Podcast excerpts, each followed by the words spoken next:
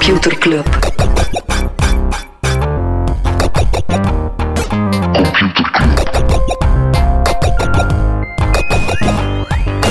Computer Club. Hey Smolly, Hey Freddy, welkom, welkom terug. welkom. Welkom bij Computer Club, een wekelijkse podcast over technologie.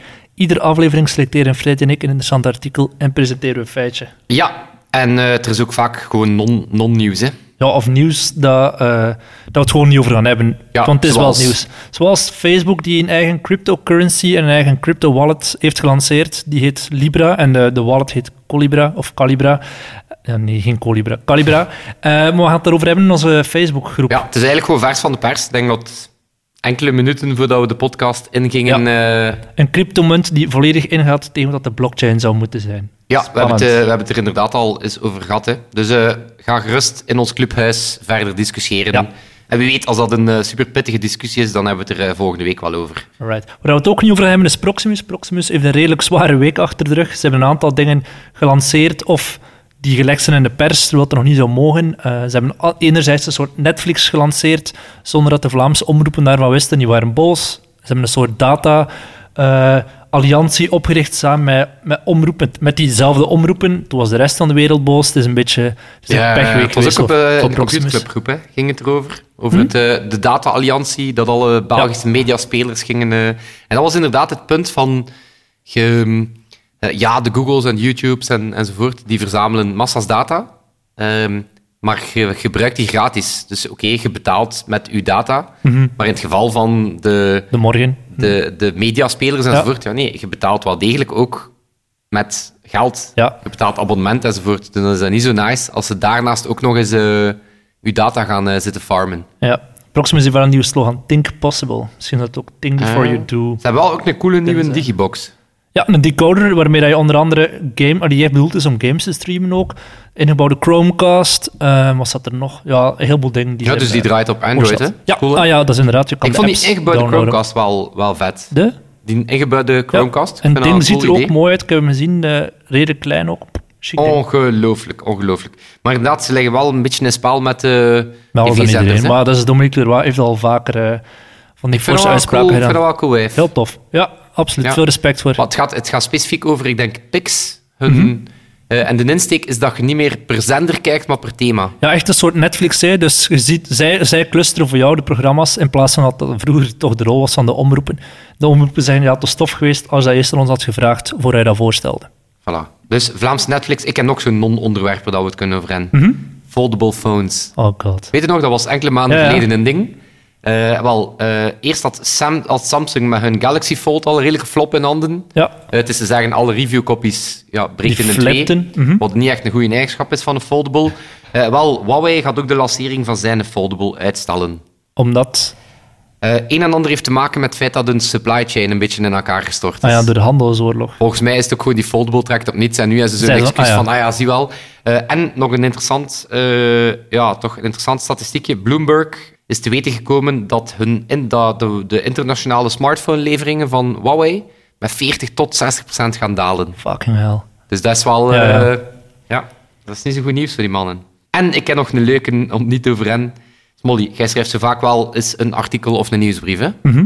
Hoe voelt u het moment dat je daar na het versturen een typo in, in Dat terugvindt? is, dat is echt kak. Dat is Dat heel... is mottig, hè? Ik heb dat vorige week nog gehad. Ik heb hier, eh ik? Stephen Fry, zijn naam in een nieuwsbrief, Steven Fry, geschreven in plaats van met, met PH. Zo zeggen de vrienden dat, hè? Ja, Nee, maar dat is balen, hè? Maar het kan wel degelijk er. De Pakistanse overheid hebben blijkbaar de gewend dat ze eh, persconferenties eh, tegenwoordig eh, op Facebook Live streamen. Hip. Eh, wel, iemand had daar per ongeluk de kattenfilter op Geniaal. aangezet. Dus al die ministers zaten daar te praten met superschattige snorharen Waarschijnlijk en van die mega serieuze onderwerpen. Ja, ja, ja. Volgens mij, is wel het, volgens mij geeft dat het genre van politieke verslaggeving wel wat extra Lina de Win is toch een beetje de poes van, de, van onze wedstrijd. Ja, Freddy, heb je ook een echt artikel gelezen? ja. Ik heb een echt artikel gelezen over Dropbox. Mhm. En ik weet wat jij nu gaat zeggen, Thomas. Bestaat er nog? Ja, inderdaad. Gebruiken, betalen mensen dat nog? Ja, mensen die Eh, waarschijnlijk avers zijn van Google.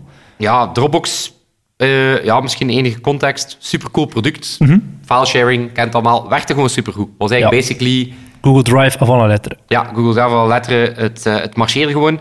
Wel, ehm, die hebben het inderdaad een beetje moeilijk om daar geld mee te verdienen. Bij consumenten lukt dat niet zo goed, omdat ja, data wordt wel een commodity. Wel, Dropbox heeft zijn nieuwe visie gelanceerd. Uh, ja, zeg maar Dropbox 2. Mm die, die gaan vol een bak in de uh, productivity space. en wat gaan ze doen? Ze, gaan, ze willen eigenlijk zo'n beetje de all-in-one werkplek worden. Die, dus we hebben ze aangekondigd. Het wordt een nieuwe desktop en mobile workspace waar dat je kan samenwerken aan Google Docs, Office, uh, Microsoft Office files. Ze hebben partnerships afgesloten met Zoom, dus je kan meteen ja. uh, een, een, videocall starten over een file. Je kan een Slack-conversatie opstarten. Uh, je kan files delen in Slack-kanalen. Ze hebben integraties met Atlassian rond Confluence en Jira enzovoort. Je kan er notes in knallen, je kan er to-do's inzetten. Dus hun ambitie is een beetje de versplintering in alle ja, tools en mhm. kantoordingen dat je gebruikt om dat op te lossen. En Google Docs en zo zitten er niet in, Ja, wat dat zit erin. Dus je kunt allemaal vanuit die Dropbox-omgeving erin gaan werken. En wie, wie, wie willen ze daarmee bereiken? Ik heb het gevoel als ik een branding bekijk, dat die zo heel hard mikken op die creatives. Zo dezelfde doelgroep als WeTransfer. Ja, ja WeTransfer, dat is eigenlijk nog zo'n bedrijf die, die wel merkt van ja, puur op sharing ja, het gaat mhm. moeilijk worden, puur op het feit dat we een bestand van A naar B krijgen. Ja, dat is eigenlijk een given. Uh, dus die gaan ook inderdaad op zo die collaboration. Mhm. En ah, ik vind het moeilijk. Um, omdat ze gaan niet per se concurreren met al die tools, maar zij willen eigenlijk zo'n beetje de, ja, zeg maar het operating system zijn, het besturingssysteem zijn. Ja, maar dat willen ze allemaal ergens. Hè? dat willen ze allemaal, maar dat vind ik net te moeilijk. Ja, we hebben al een besturingssysteem. Ja. Windows, macOS, ik vind dat persoonlijk niet zo moeilijk om tussen twee tools te navigeren. Als ik een file wil delen in Slack, ja. dan ga ik naar Slack, sleep ik daar die file in. Tada. En, Als ik een videocall wil doen met iemand, dan start ik een videocall op. En dan, dan moet niet per se een presentatie. Dus ik moet daarvoor niet vanuit mijn Dropbox OS. Ja, uh, het grootste probleem is inderdaad, die data is een commodity geworden. Hè. Mensen verwachten, ik kan hier 2 terabyte gratis bij Google of bij wie dan ook krijgen. Waarom zou ik betalen voor Dropbox? Ja, het is, het is de, dat is de grote uitdaging. Hè. En dat, dat merk je denk ik ook als je de aandelen bekijkt van Dropbox of Box. Dat is nog ja. zo'n speler. Min 40% op een jaar tijd bij het geval van Dropbox. Voilà, ik wist dat jij dat gewoon ging weten. Ik wist dat jij dat gewoon ging weten. Ook omdat je mij gevraagd hebt van, kun je die cijfers keer opzoeken? Ja, zo lui ben ik, dames en heren, in de voorbereiding. Dat zo, dan ben ik zelf te lui om het zelf op te zoeken. Ja, en, uh, Box, de concurrent, 33% uh, minder op een jaar tijd. Ja, maar het is, het is interessant, want twee super contrasterende meningen daarover is enerzijds, en, en toch wel niet van de minste, enerzijds de Ben Thompson van Stratechery, mm wat eh, man is dat ik, wel, eh, dat ik wel vaak geloof als het gaat over ja, wat is de business angle van al dat soort evoluties. Uh, en die zegt, ik zit hier al super lang op te wachten, want uh, hoe meer dat we naar de cloud gaan moven, met al dat soort software as a service oplossingen, mm ja, hoe meer dat al die tools versplinterd geraken. Dus uh, ik vind dat interessant. Dat, hij noemt dat, het is basically de nieuwe versie van, van Finder, of wat is dat, File Explorer, ja, ja. maar dan met heel wat communicatie en samenwerking ingebouwd. Dus dat is één strekking. En dan anderzijds is er John Gruber van Daring Fireball. Ik weet niet of je die kent. Dat is zo, ja, zeker binnen Mac-software enzovoort is dat echt wel de guru, de man die al vele, uh, vele oorlogen meegevochten mee heeft. En die zegt van, er zit gewoon geen helderheid meer in deze visie. Ja. hij, wat ik gigantisch fan van was van het originele Dropbox, is het werkte gewoon. Ja. Het was gewoon, je moet iets delen, voilà, het werkt. Uh, en nu is het echt gewoon uh, een verschrikkelijke hoop bloatware geworden. Er zit een volledige webbrowsing engine in, neemt een halve gigabyte aan geheugen in, gewoon om die een tool te kunnen draaien. Ja, ik denk dat daar het grootste probleem voor Dropbox zit. Heel veel mensen hebben Dropbox gebruikt. Ik ook lang fan van geweest, maar op een bepaald moment bots je op een limiet. En dan zeg je, ik ga overstappen naar Google Drive. Vaak met heel bedrijf stap je over naar Google Drive. En je gaat nu niet meer terugkeren van Google Drive naar Dropbox. Maar dat is ook zoiets. Dus uh, waarom dat ik er zelf niet in geloof, is... Ja, er is geen focus. Mm Weet je, één die versplintering, ik vind dat zo erg niet. Ik bedoel, oké, okay, ja, ja, je gebruikt drie, vier verschillende tools. Ja, cool, uh, zet ze in uw dock van uw Mac en, en dat lukt ook wel. En dan inderdaad het feit als bedrijf, eer dat je die move doet, dan moet je dat met heel bedrijf doen. Ja, Dan moet je met heel bedrijf beslissen, oké, vanaf nu gaan we niet meer in Teams of in Slack of ding, dan gaan we vanaf nu in die nieuwe Dropbox gaan werken en ik zie dat gewoon niet gebeuren. Ja. En ene waar ik ook niet in geloof, is zo uh, dat sociaal media model van samenwerken. Heb je ooit Yammer gezien? Ja, ja. Dus Microsoft heeft dat ooit overgenomen. Yammer. Zo, Facebook voor de werkplek. Bij de persgroep hebben we nog gebruikt. En dat was dan zo, ho, Thomas Smolders heeft een nieuwe pagina over een API-spec aangepast. Oeh, dit ga ik liken. Ik ga Ja. daarop komen. Een beetje zoals Confluence, toch? Ja, wel, maar hoeveel keer ga je op Confluence kijken naar hoe? Wat zijn hier de laatste updates aan deze space? Nee, oh, Ik heb het gevoel dat sommige mensen dat doen, dat dat een eh, job is, maar ja, ik wil wel de personen zien die, eh, die, die naar die feeds nee, zitten. het is eh. inderdaad heel saai. Ja, het is, het, is, het is een model waar ik ook zo niet echt in, eh, in geloof. En pas op, het is wel dubbel, omdat ja, die filesharing zelf is niet voldoende. Het is een commoditeit geworden, storage, het werkt gewoon. Dus we moeten iets doen. En er is een super in- interessante anekdote. Heb je ooit de, gehoord van de ontmoeting tussen de CEO van Dropbox en Steve Jobs? Nee. in der tijd, wel 2011, eh, is Drew Houston, nog steeds de CEO, eh, oprichter en CEO van Dropbox, eh, op audiëntie gegaan bij Steve Jobs. En die wou eigenlijk Dropbox kopen. Steve Jobs wilde Dropbox Ja, kopen. omdat ja, dat was lang voor iCloud. Hè, dus dat was, Ja, ja. Apple was notoir slecht in internet services. Mobile Me, dat soort dingen, dat er ook allemaal op niet te veel. ICloud heeft ook lang geduurd eer dat ze het goed kregen. Dus die wou basically Dropbox kopen. Waarop dat die Drew Houston zei, ja, nee, we hebben het gevoel dat we als product zelf nog kunnen groeien. En toen is eh, de heer Jobs in een eh, klassieke tirade gaan, waar dat hij de notoire woorden geknald heeft, it's a feature, not a product. Dus zijn visie, en er valt wel iets van te zeggen, is ja, zo'n folder dat je dan eigenlijk meteen samen files kunt smijten. Dat werkt gewoon, Ja, maar dat is geen zijn. bestemming op zich. Nee. Dat is een feature van Finder, maar dat is geen ding. Dus ja, of dat dat soort ja, work operating systems het gaan zijn, ik weet het niet. Ik weet het niet. Maar wel, Wie dat Dus wel, wel- misschien weet, daar houdt ze niet over hebben. Maar ik denk dat het eerst tijd is voor een feitje, Freddy. ja, eh, en tijd voor een eh, blitz jingle dan ook, Ja, denk ik. laat Hier maar komt komen. hij. Computerklas. Freddy, Ja, er staat een piemel op de blockchain. oké. Nu heb je mij. Oké. Yes! You have my attention, sir. You have Yes. my attention, sir. Je weet, bij de, bij de blockchain moet je, ja, moet je als je een transactie doet en eh die data invoeren als hexadecimalen, maar er bestaan manieren om dat dan nadien om te zetten naar ASCII-code. Eh, Dus ze voert zo cijfers in, dat is dan de, de code van Ja, de transactie. string dat je dan... eh, ja, ja, en die kan je via bepaalde tools omzetten in ASCII. En er zijn twee Zweedse kunstenaars, Ida Johnson en Simon Saarinen, en die hebben drie werken ge- gemaakt in ASCII en die er nadien op de Ethereum-blockchain gezet. De ene is een eeuwige meme, de andere is een eeuwige tag, zo met graffiti. En dat staat gewoon in Simon en Ida, we're here. En de derde is dus een piemel. Ik ga hem even tonen, de transactie van die... Het is, eh, het is een, eh een fallus met enorm veel detail. Ja, dat is echt... Ik had, ze gewoon, ik had gewoon dik en... ah, je weet dat, zo balls, balls en, en sausage Ja, ja. verwacht. Nee, nee, het is gewoon echt, een, een eh, heel rudimentair. Het is maar een je zegt- kunstwerk, hè? Ja, er zit zelfs een zekere kromming. ja, het is... hebben er, ik heb eh, het gevoel dat er wat schaduw... Absoluut, Allee, ze hebben dat er werk van was, gemaakt. was schaduw en adering... ja, ik ben hier al zeer lang bezig over een, een ASCII-penis. ASCII. Zeg, over ASCII gesproken, moeten we naar iets anders... over ASCII gesproken. Ah, je bedoelt onze ASCII-meetup. eh, ja. Ja, Stickers. ja oké, het midden van de aflevering dan. Hè. Ehm, even pluggen eh, voor degenen die het vorige week gemist hadden. Eh, we doen onze, naar aanleiding van onze verjaardag, een meetup. Ja, Ja, 9 juli. verjaardagsfeestje. Verjaardagsfeestje. Zouden mensen die vragen om een cadeautje mee te brengen? Nee, dat gaan we niet niet doen. Niet. Nee, maar wat doen we? Eh, een live episode. We gaan met z'n allen een interactieve episode maken. Sebastiaan gaat ook live muziek... Interactieve episode. Wat? Interactieve episode. Wow. Wow, als er gepraat worden en Ja. gediscussieerd. Eh, en onze maat Sebastiaan gaat ook live jinglen en muziek maken met zijn modulaire synths. Klinkt super cool trouwens. Mensen die nog geen fan zijn van eh, de grote Sebastiaan van den Branden, eh, check die mensen zeker eens op Instagram TV, at Ja. Sebastiaan underscore VDB. Kleine plug.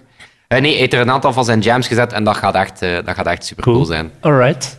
Hoe kunnen mensen laten weten of ze komen, Thomas? Via onze Facebookgroep, Computerclub. Ja, via ons clubhuis. Eh, zoek ons zeker eens op op de Facebooks eh, in de groep. Maar we gaan 100% doen wat Mark Zuckerberg van ons verwacht. Hè. Wat?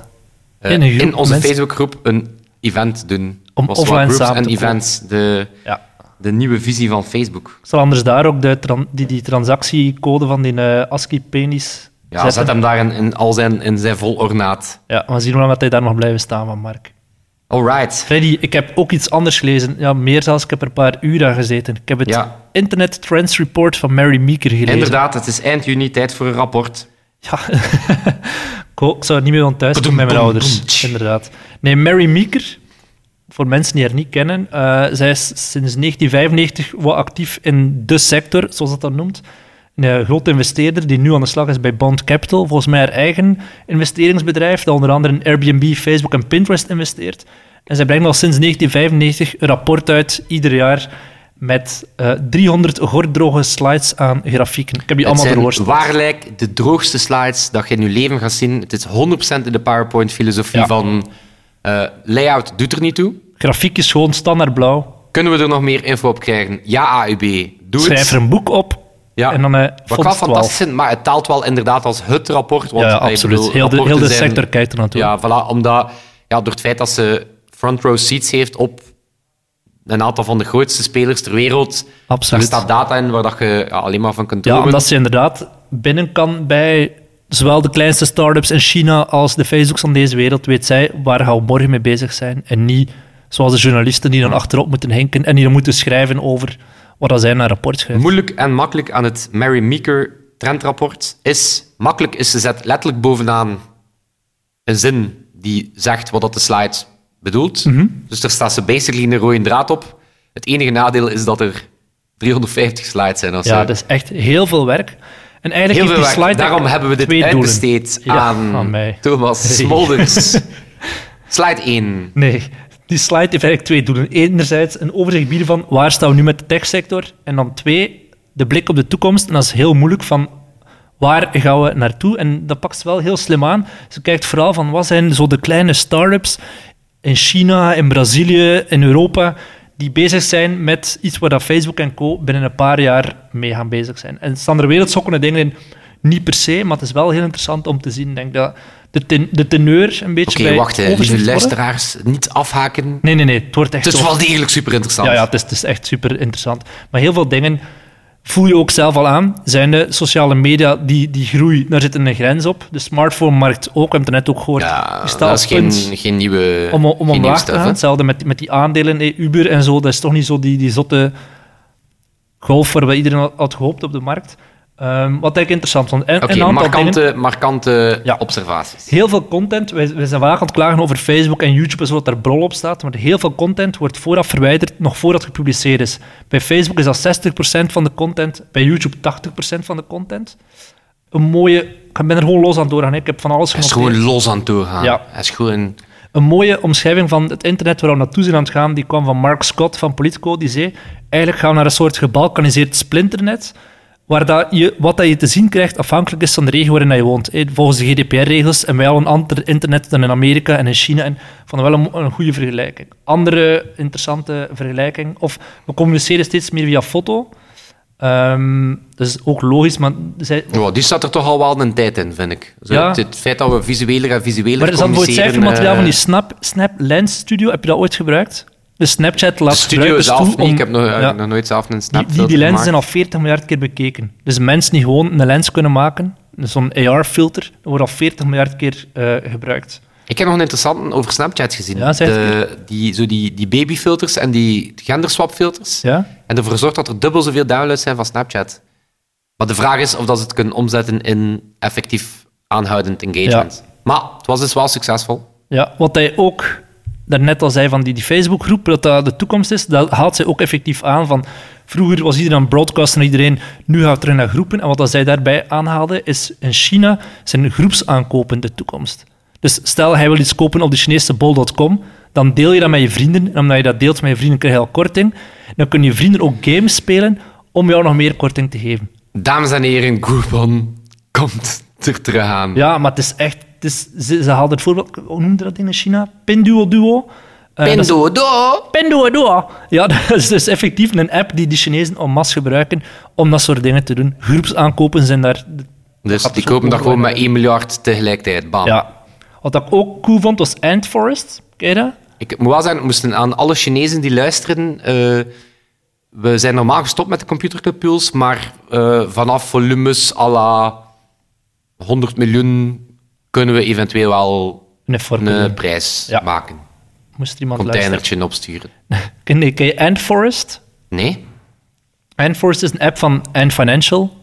Ja, a- a- Wel. bedrijf, van Alipay. Dat is een soort gamified filantropie. Dus je moet taken uitvoeren, zoveel kilometer wandelen of zoveel afval oprapen.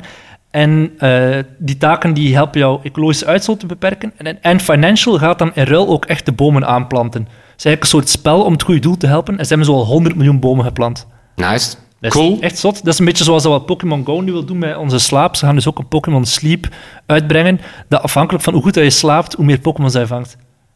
Fantastisch. Ja. Eh, Allemaal Jigglypuffs dan, of zo. Tot zover mijn kennis van het eh Ander Pokémon-universum. feitje. Op YouTube wordt jaarlijks voor 4,5 miljard uur aan how-to-video's bekeken. Crazy. De populairste cursussen op Coursera zijn de, die over deep learning, Python en data science, wat ik ook wel eh, zot vond. China... Ja, dat, is, eh, dat is trouwens de, dat vind ik een van de interessantste Mhm. aan. eh, ehm, we hebben zo'n aantal dingen als we presentaties geven over AI. Dan Ja. doen we dat niet zozeer technisch, niet zozeer van, ai, voor een stukje wel, van onder de motorkap. Maar ik probeer altijd zo uit te leggen van waarom is dat nu echt ingrijpend? En Ja. waarom is dat nu eh, een hele grote evolutie? En dan gaat dat een heel goed stuk rond die democratisering. Hè, waar dat je bijvoorbeeld met democratisering van... Toen dat je databases had, Mhm. was plotseling informatie iets dat iedereen mee aan de slag kon. Hè, je moest niet langer een zotte engineer zijn om data uit een mainframe te krijgen. Iedereen kon eigenlijk zo wat data queries maken. Ja.